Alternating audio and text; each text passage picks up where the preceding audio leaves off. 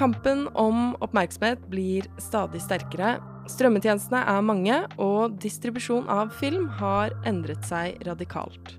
Norsk dokumentar skal konkurrere med innhold fra hele verden, og vi er mange filmskapere som føler at vi famler litt i blinde når vi skal finne vårt publikum. Hvordan skal vi få dem til å velge akkurat vår film? Og kan kunstnerisk integritet ivaretas i møte med harde data og seertall? Til å svare på dette har jeg invitert disse to i studio. Karianne Berge fra Indiefilm og Tone Grøttjord Glenne fra Sant og usant. Dere har begge lang fartstid som dokumentarfilmskapere. Tone, eh, du har vært regissør og produsent på filmer som Alt det jeg er og Netflix-dokumentaren Sisters on Track. Eh, og du, Karianne, har eh, produsert Veien hjem, blant annet, og er også nå aktuell som regissør på true crime-serien Direktøren. Samtidig så har dere også begge gått opp helt nye veier med å nå ut til publikum. Og det er det jeg har lyst til å høre mer om i dag. Så eh, Karianne, jeg tenker at jeg begynner med deg. Eh, for du og Indiefilm var ganske tidlig ute med å jobbe med publikumsarbeid. Hvordan var det, og hva opplever du at har endret seg siden du begynte? Eh, jeg kan jo bare begynne med hvordan eh, vi begynte å jobbe. Jeg begynte å jobbe i indiefilm i 2010 og 2011, når vi ferdigstilte og skulle lansere Pushwagner på kino. Uh, film av Even Benstad og Gus Bergstø Hansen. Så da var det litt sånn naturlig Jeg var nok opptatt av det før, uh, det at uh, dokumentaren må ha større selvtillit og være mer ute der, og vi må ikke bare gjemme det bort i en skuff når vi er ferdig med filmen, eller være fornøyd med en TV-sending, eller dette er jo produkter som kan leve mye lenger, vi må jo ha eh, samme selvtillit som spillefilmer. Så jeg var nok eh, liksom i utgangspunktet opptatt av det, men eh, når jeg da jobba på Pushwagner som eh, ja, praktikant og først, og så rett fra skolen, egentlig, så var det naturlig at jeg hjalp til veldig mye i lanseringen av den. Jeg lagde bakomfilmer. Jeg jobbet med sosiale medier-kampanjen sammen med Eirik Smide Slåen, som eh, hadde ansvar for den. Og vi jobba masse med på en måte presse og eh, rundt den lanseringen, da. Eh, samtidig så var det nok ganske mye større forhåpninger til hvordan den skulle gå på kino, særlig. Eh, med et kjempestort kunstnernavn og eh, store regissører, og så var nok liksom distributørene eh, skuffa over åpningstallene, da. Eh, nå gikk det helt greit, men det var nok liksom forventet en mye større inntjening på den, og det ble røde tall på slutten av mm men det var masse fin erfaring, og eh, så hadde vi begynt å jobbe med en ny film som het Idas dagbok. Jeg ble invitert med til Goodpitch eh, Europe i 2013, og, og fikk gå sånn kurs gjennom de på Outreach Impact. Eh, så det var vel kanskje en liksom kombinasjon av disse erfaringene som gjorde Pluss et engasjement i utgangspunktet, da, som gjorde at jeg tok rollen som impact producer på Idas dagbok. Uten å vite hva jeg holdt på med overhodet. Hadde ikke noe erfaring med det. Og, kava mye, føltes det som, i mange år. Men vi fikk til veldig mye spennende med det prosjektet, og det la på en måte grunnlaget for uh, senere arbeid med lansering av filmene våre, da. Vi skal komme litt tilbake til uh, det arbeidet du gjorde på Idas dagbok, og hvor dere har kommet hen nå, da, i, Indiefilm. Men uh, du, Tone, du starta noen år før. Starta Sant og usant, ble vel starta i 2006. Hvordan Hva husker du fra de første årene, og var det veldig forskjellig fra hvordan eh, du opplever at bransjen er i dag? Ja, jeg kom som utdanna filmregissør fra National Film and Television School i England. Eh, og så gjorde jeg én film med motlys, og så starta jeg et eget selskap, da, Sant og usant. Eh, og da begynte jeg i stor grad å produsere for andre. og gikk litt fra regirollen til produsentrollen, også litt sånn for det å klare å bygge opp et selskap men hele bransjen har jo på en måte profesjonalisert seg enormt på produsentsiden. Og det har jo vært en sånn veldig villa satsing også fra NFI, da, med helt andre krav eh, til hva det vil si å være produsent og drive selskap. Men jeg tror um, det, det, der at, uh, som Karianne snakka litt om også, den derre selv... Altså det der i øyeblikket man blir mer profesjonell, da Eh, og den selvtilliten som jeg tenker at man trenger å ha for å lansere et produkt. Vi har erfart, og vi har stått i nok kinosaler til å se at dokumentarfilm har en helt unik kraft til å åpne opp og til å berøre. Og hvis man klarer å tro på den kraften, da kan man treffe helt andre grupper, da. Da kan man eh, nå de man har lyst til å nå. Man kan nå et publikum. Det fins der ute. Og det er bruk for dokumentarfilm. Både for et ordinært publikum som eh, trenger noe påfyll i livet sitt, men også som eh, til refleksjon og kompetanse og kunnskap inn i spesifikke grupper i samfunnet. Mm. Så, så, noe av nøkkelen her i det dere begge sier, er at eh, det er både å få erfaringen og tryggheten og selvtilliten til å tro på den kraften som ligger i dokumentar, og at du kan selge det inn, men også at det er liksom blitt, det er blitt lov å selge det inn, og ikke minst det har blitt viktigere, det har blitt et større fokus på profesjonaliseringen, og at det, det skal markedsføres og treffe en målgruppe på samme måte som fiksjon eller et hvilket som helst kulturprodukt, da. Mm. Og det at, det at, det gjelder en hel bransje, da. Det er jo liksom ikke, ikke sant, det er ikke sånn at sant og usant gjør det. Det er sånn at veldig mange gjør det. Og da er det noe synergieffekt i det, da. Det blir et sånn kraftig løft fra mange. Mm. Som jeg tror um, Ja, der er jo dokumentarfilmbransjen god, da. Det er kanskje ikke så fokus på konkurranseulempene, men kanskje mye mer på sånn Ja, den synergieffekten man får av hverandres suksess, da. Mm. Og eh, siden starten så har dere jo begge lært masse og laget eh, mye film og satset på nye ting. Um, du, Karianne, har etter hvert vært med å bygge opp en distribusjonsavdeling i indiefilm. Uh, og du, Tone, uh, har jo blant annet utviklet plattformen Educational Storytelling, som er en uh, plattform hvor dere bruker film kombinert med eh, skreddersydde faglige opplegg, ofte retta mot offentlig sektor eller lærere, eller det kan være mye forskjellig. Men hele det prosjektet startet jo egentlig med at du laget en film som heter Alt det jeg er, som handler om, eh, eller tematiserer vold og seksuelle overgrep. Eh, så kan du fortelle litt om eh, hvorfor du startet Educational Storytelling? Hvordan kom det i gang? Mm. Altså, denne filmen handler om Emilia, som ble utsatt for seksuelle overgrep av stefaren sin fra hun var seks til hun var tolv.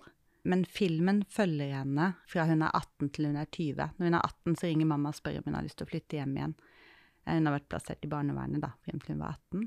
Og så gjør hun det, og så følger filmen henne fra hun er 18 til hun er 20, hvor hun på en måte prøver å finne sin identitet som ung kvinne, som søster, som datter, som samfunnsborger, da. Og så var det et eller annet med at når man lager en sånn film, og man ber en så ung person bære et så stort tema, da, eh, i noe så voldsomt som en kinolansering, eh, så kjentes det liksom som at man måtte gjøre noe mer enn å lage filmen.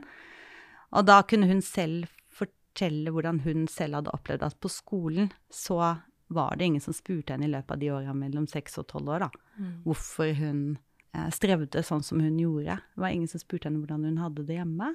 Eh, og når jeg fant lærerne hennes på skolen og liksom snakka med de som en del av researchen, så kunne de bekrefte det. Jeg tenkte aldri i de baner at det kunne være noe galt. Og da føltes det veldig naturlig å lage et slags verktøy for lærere, hvor man kunne bruke filmen og deler av filmen eh, og kombinere med fagkunnskap, da, sånn at eh, lærere skulle være mer kompetente til å møte barn og unge når de forsøker å fortelle på sin måte. Så starta egentlig der. Eh, men så utvikla det seg til å bli mye mer at vi utarbeida en pedagogisk metode for digital læring. Når Vi har ulike sektorer som det når, så f.eks. har vi fire kunnskapsreiser for filmen Alt det er. En for tannhelse, en for Nav, en for lærere, en for barnehageansatt. Men hver utarbeidelsen av hver av de kunnskapsreisene, så oppretter vi en helt unik arbeidsgruppe som består både av fagfeltet, av de som står i de jobbene, mm. av akademia og alltid av filmskaperen, da. Og så setter man seg ned sammen og tenker sånn OK, hva er det denne sektoren, hva er kompetansemåla i den sektoren? Eh, hva er det organisk som passer med filmen? Hvilke kapitler kan man ha? Hvem er de fremste fagpersonene? Hvordan burde de intervjua være? Hvilke ekstrascener fra materialet som ikke kommer i filmen, kan man putte inn? Og så gjør man det. Så forteller man det kapittel etter kapittel, da. Så det blir en mm. slags sånn ekstra historie til filmen. Ja, og det er jo Jeg kan jo også anbefale bare de som hører på, å sjekke det ut på educationalstorytelling.com, så får man litt et inntrykk av hva det her er. Men det er som du sier, eh, man ser hvordan det er skreddersydd ned til detalj. At du kan trykke deg inn om du jobber med tannhelse, så trykker du deg inn på et eget opplegg for det. Eh, om du jobber i Nav, så får du noe litt annet som er tilpassa det. Men her eh, ligger det altså masse arbeid bak for at det skal klaffe for Nav, og for at det skal funke for dem, og at du leser deg opp på uh, hva er Nav sine mål, og hva fokuserer de på nå, og uh, det, er, det, er, mye da som skal stemme, men konsekvensen har blitt at hele Nav bruker det.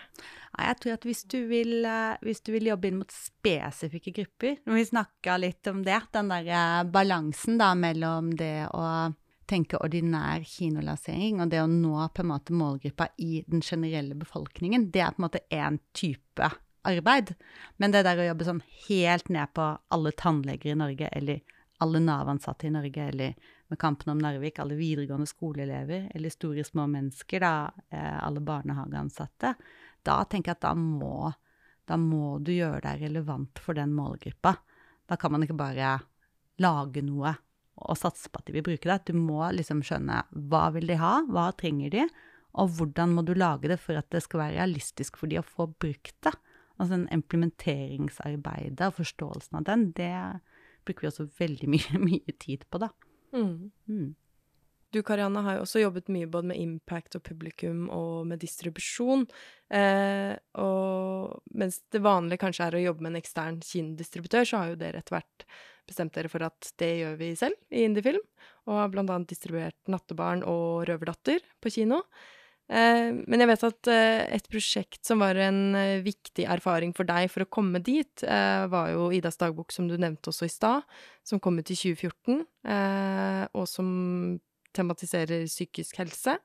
Og der prøvde du og feilet mye, som du sa. ikke sant? Det var første prosjekt hvor du var Impact-produsent, og la ned et enormt arbeid som du som fikk stor suksess på mange måter. Altså, den ble jo vist på IDFA og kom med på Goodpitch og mm. eh, Men mange, mange, lærdommer også, da, som du har tatt ja. med deg. Idas dagbok handler om da Ida Storm, som eh, hadde store psykiske eh, problemer eh, og gjorde mye selvskading på 2000-tallet, hvor det var lite kunnskap om det. Eh, dette var jo før selfienes tid, det var før Facebook, det var før Eh, man eh, snudde kameraet mot seg selv ganske ofte og fortalte ting. Men hun hadde da fått et lite kompaktkamera når hun lå inne på sykehus på et tidspunkt, og det begynte hun å ta litt bilder av rundt omkring, og så snudde hun kameraet mot seg selv og begynte å snakke til kamera. Hun viste noen av disse klippene til en venninne av henne som var sykepleier, og hun sa at dette her, dette trenger andre unge mennesker. Jeg kjenner eh, noen som jobber i indiefilm, du burde sende det til de.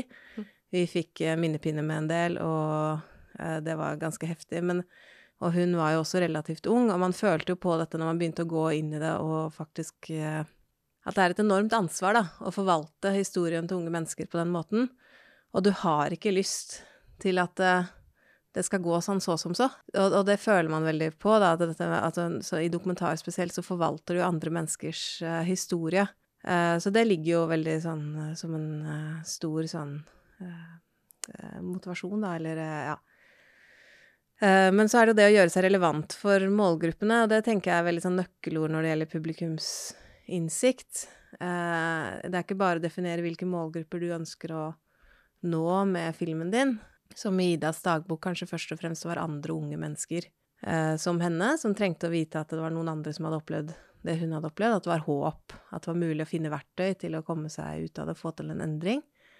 Eh, men også hun fortalte jo at hun fikk jo ikke noe hjelp på skolen, og ingen som så henne, og ingen som skjønte at uh, magesmertene hennes var noe mer alvorlig og sånne ting. Uh, og hadde hun bare noen fortalt henne på skolen at sånn hun følte det kunne være vanlig, eller ikke Det var ikke bare henne, så ville det endret mye, så det var veldig viktig for henne å få mer psykisk helse inn i skolen. Det var liksom det ene, så, så det var på en måte de to tingene vi jobbet ut fra, og nå andre unge mennesker som trengte å høre at, de, at, eh, at det fins andre, og mot skoleverket. Mm. Dere, du traff masse folk og organisasjoner i, mm, på ja. veien med å finne ut av, av alt det her? Ja, jeg, jeg, brukte vel et par år på å møte omtrent alt som fantes av organisasjoner og mennesker og uh, institusjoner og, som jobbet med dette her på et eller annet vis i Norge, og også i England og Europa. Eh, og vi var jo helt vi, endte, vi var jo til slutt i EU-kongressen. Eh, det var veldig nyttig å møte alle de, fordi jeg famlet jo veldig mye. Jeg ville jo på en måte alt. Liksom, vi hadde jo en liste med masse, masse ting vi ønsket å få til. Og jeg snakket jo dermed med alle, og jeg fikk veldig mange erfaringer med på en måte det å spisse litt hva man ønsker, altså prioritere det litt, eh, vite hva man ønsker å oppnå av et møte med noen, men også på en måte være lydhør for hva de, eh, hva de trenger eh, for å gjøre seg relevant for hverandre, da. Hvordan, kan de, hvordan, kan filmen vår være relevant for, for de, og hvordan kan vi være relevant for Eller hvordan kan de være relevant for oss, og kan vi Og dette var jo da parallelt med at filmen også ble utvikla. At dere, at dere, gjorde alt det her uh, ja. arbeidet. Ja. Hvordan opplevde du balansen mellom Altså, med hva de fikk påvirke på, eller sånn, hva, hva, var det du tok ut av de møtene?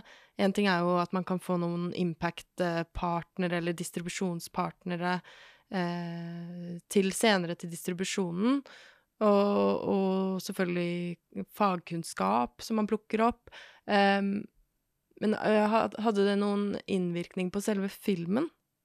Ja og nei. Det er på en måte August, som er regissør på denne filmen, var jo mye med i prosessen også. Han var på en del møter. Til slutt så ble det så mange at han kunne jo ikke det, for han måtte være i Klippen. så jeg var etter hvert mye alene på de møtene fordi jeg satte i gang altfor mange møter. Og jeg, vi snakket jo alltid om på en måte tilbakemeldingene og hvilke muligheter det var der, og, og sånne ting. men det påvirket egentlig aldri eh, den kunstneriske prosessen med filmen i Altså, det det påvirket, var hvordan vi snakket om filmen. For vi lærte eksempel at uh, August hadde lagt opp til et veldig klaustrofobisk uh, fortellergrep, hvor vi så oss i Hvor vi bare var inne i Idas dagbok. Med kun noen kunstneriske liksom, grep for å komme litt ut av liksom, det tette formatet, men vi snakket ikke med moren, vi snakket ikke med søstrene, vi snakka ikke med psykiaterne, vi snakka ikke med noen rundt Ida. Vi var ganske klaustrofobiske inne i hennes univers. Og det var jo noe mange syntes var vanskelig. Men istedenfor å endre på det, så endret vi heller på måten vi snakket om filmen. Uh, og så endret vi på hvordan vi presenterte det for de, og hva slags nytteverdi den kunne ha. Så der vi på en måte traff folk som så verdien av det, så benyttet vi det og de tilbakemeldingene Eh, inn i arbeidet med, med å gjøre filmen relevant for, uh, for målgruppene våre, da. Heller enn at vi endret hvordan vi lagde filmen. Jeg tror i hvert fall én ting som kan være litt viktig, det er jo at man føler at man skjønner liksom filmen sin og hva man vil med filmen. At, at, en, at regissørens liksom sånn kunstneriske visjon da, er nok utarbeida og testa til at man liksom kan stå helt sånn stødig i det. Så jeg tenker sånn helt i begynnelsen at man kanskje prøver å forstå, i tilfelle med alt det er, hvordan funker dette landskapet? Hvordan er fagmiljøet inndelt? Hva er liksom hovedbjelken i det som er meningsbærende i forhold til retninger? Hvordan plasserer organisasjonene seg? det er jo mye. Og jeg tenker det å ikke være litt redd for å tenke at det er ikke alle som skal være med meg på dette prosjektet her. Man må ha ulik invitasjon til de ulike delene av målgruppa. Vår målgruppe for alt det er, er liksom en sånn eh, kinolanserings... Disse begrepene de bruker, da. I vårt tilfelle dame mellom hva var det, 32 og 65 år, som de liker å kalle Bente 42, da. Men Bente 42 er jo veldig mye forskjellig. Og Bente 42 som jobber i barnevernet, inviteres kanskje inn på den kinovisningen litt annerledes en eh, Bente 42 som er lærer, eller som er ildsjel i en organisasjon, eller som er Men samtidig så tror vi at det, Eller vi har i hvert fall tenkt at det er viktig å, å slippe den der følelsen av at alle som jobber med samme tematikk, må være med oss, da. Men også for å ha de ulike invitasjonene, da, så må du jo vite hvem alle disse forskjellige Bente 42-ene er. Mm. Du, så du må liksom sondere terrenget på en, ja. og finne Og det kan være ulike innganger til å, finne ut av hvem det er, da. Ja, nå er jo liksom de som holder på med kinotall og statistikk og som er gode på de tinga der, de har definert den målgruppa til å Nå fant jeg det hjemme, da, så tenkte jeg kunne ta med, men det er på en måte ja, kvinner 32 til 65, altså gjennomsnittet av det er 42 år, høyt utdanna, hun er samfunnsengasjert, hun er kommunalt ansatt eller jobber i statlige bedrifter som leverer tjenester direkte til befolkningen, og hun er kunnskapsoppsøkende. Da har man jo ganske mye informasjon, da. Men som du sier, vi vet jo ikke helt, liksom.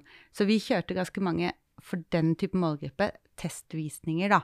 Vi lanserte i mars, men fra september så kjørte vi ulike visninger. Gjorde tverrfaglige kommunale visninger for kommunale ledere. Og så så vi hvordan snakka de om filmen. Hvilke ord og begreper brukte de? Hva var det de ulike likte? Så gjorde vi spesifikke profesjonsvisninger for å se ok, hvis man bare samler lærere, da, eller man bare samler folk som blir i barnevernet, hva slags diskusjon og sånne ting oppstår da? Er det noe helt annet? Hva slags begreper bruker de?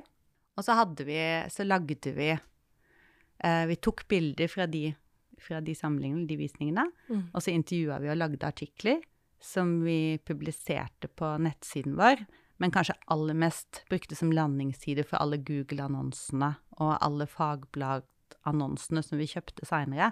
Sånn at uh, hvis vi var i ja, et eller annet sånn politirelatert fagmagasin med en annonse, og de klikka på den, så kom de inn til den visningen vi hadde hatt med politimesteren i Oslo, og hva de fikk ut av filmen. Og så kunne, ville du lage en lignende visning, så Så det var veldig ulike invitasjoner, da. Både i de annonsene som var ute og gikk på Google og, og alle andre steder, men også de landingssidene som de kom til, da kjenner at jeg ikke er like god til å jobbe så metodisk som dere er. Herregud, jeg ble kjempeimponert. Men jeg gjorde jo noe av det samme med, mye mer geografisk uh, um, utgangspunkt, kanskje. Ikke så, uh, ikke så godt gjennomtenkt. Men, men når vi skulle på kino med natta, pappa henta oss og Røverdatter, så uh, så gikk jeg liksom begge veier. Jeg gikk på hvilke kinoer Da skulle vi jo ha stor kino, ordinær kinolansering i hele Norge. Så da gikk jeg på de store byene og de best besøkte kinoene, og så gikk jeg på hvor jeg fant rusorganisasjoner og uh, mental helseorganisasjoner og barnevernsorganisasjoner og sånne ting. Uh, og hvor de var organisert. Og så hadde jeg på en måte kanskje en 10-20 uh, steder som var aktuelle. Og så gjorde jeg ambassadørvisninger, da. og da inviterte jeg rubbel og bit, på en måte. Av det som kunne krype og gå av, av, folk som jeg kunne søke på nettet, som var interessert i, i deler eller hele, hele tematikken som var, ble berørt i de filmene. Og gjorde visninger fordi uh, de var ikke like gode til å samle inn kanskje liksom sitater og intervjuer og sånne ting, men jeg hadde et veldig fint nettverk, da, med mailadresser og, og tilbakemeldinger fra filmen. og de ble veldig nyttige for å invitere til Sette opp panelvisninger i de stedene, for at de skulle invitere brukere, eller Og kjempenyttig, da var det jo natta pappa henta oss uh, av regissør Stefan Strandberg om sin oppvekst med en alkoholisert mor. Og så var det Røverdatteren og Sofie Haugan og hennes forhold til sin uh, rusmisbrukende far.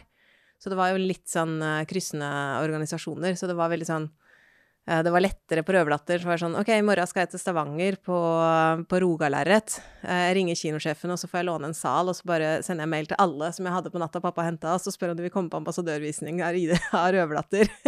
Siden jeg uansett har flybillett. Men eh, gjør dere også noen eh, testvisninger eh, sånn for å få innspill, liksom? Underveis i med å arbeide med å lage en film? Altså få innspill ja. på filmen, og, og man bruker de innspillene, er jo eh, neste spørsmål, da, men Ja, absolutt. Eh, masse testvisninger eh, for ulike delene av målgruppa. Mm. Eh, både på en måte de som lett lar seg koble til filmen av til jobb eller yrke eller tematikk, eller lignende, eller er erfaringer eller mentale helseorganisasjoner eller sånne ting. For å på en måte eh, Og det gjør vi underveis før vi låser klippen. Eh, og det er li ja, kanskje det er noe som på en måte gir innspill inn i klippen, hvor du kan tydeliggjøre sekvenser eller sånne ting. Altså du Mer enn at du skal gjøre det de foreslår, så er det jo at du forstår hva de ikke forstår.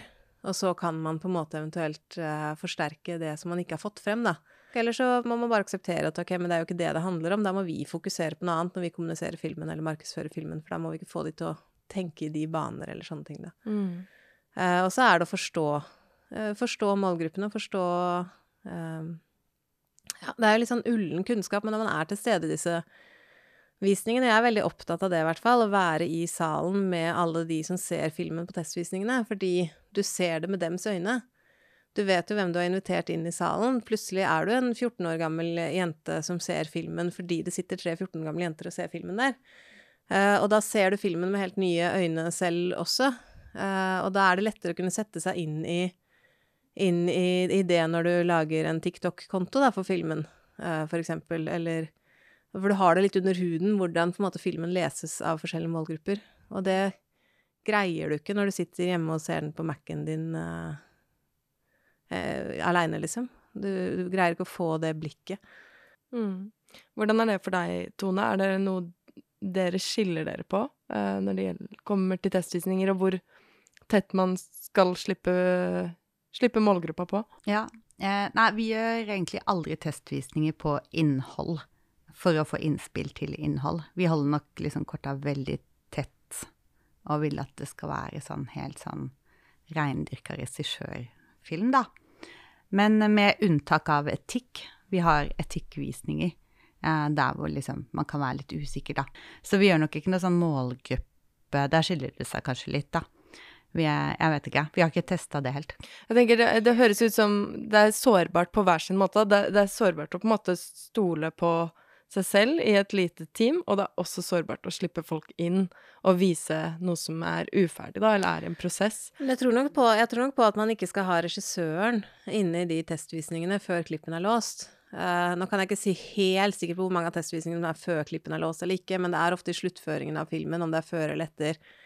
Men jeg vet at det er veldig lite egentlig at det har påvirka klippen. Historiefortellingen er trygt inne i klipperommet hos klipperen og, og regissøren, og, og, jeg tror nok ikke regissøren skal være med på disse visningene i slutten, men at noen fra produsentteamet eller lanseringsteamet, og det syns jeg var en fordel ved å ha distribusjon i eget selskap, da, eh, at da er det jo litt samme folka, egentlig, er, er til stede, og de kan videreformidle eh, på en trygg måte, da, inn i det rommet uten eh, Men jeg opplever ikke at det har på noe som helst tidspunkt eh, ødelagt for den kunstneriske integriteten. Det er mye større kommunikasjons... Fordi da kommuniserer vi tilbakemeldinger tilbake, og så får vi motsigelser fra klipper og regissør eller lignende. Og så vet vi bedre hvordan vi skal jobbe med filmen eh, i lanseringen. Mm. Fordi vi har fått Vi har stått i den diskusjonen. Og da blir vi også tryggere på visjonen, da. Mm.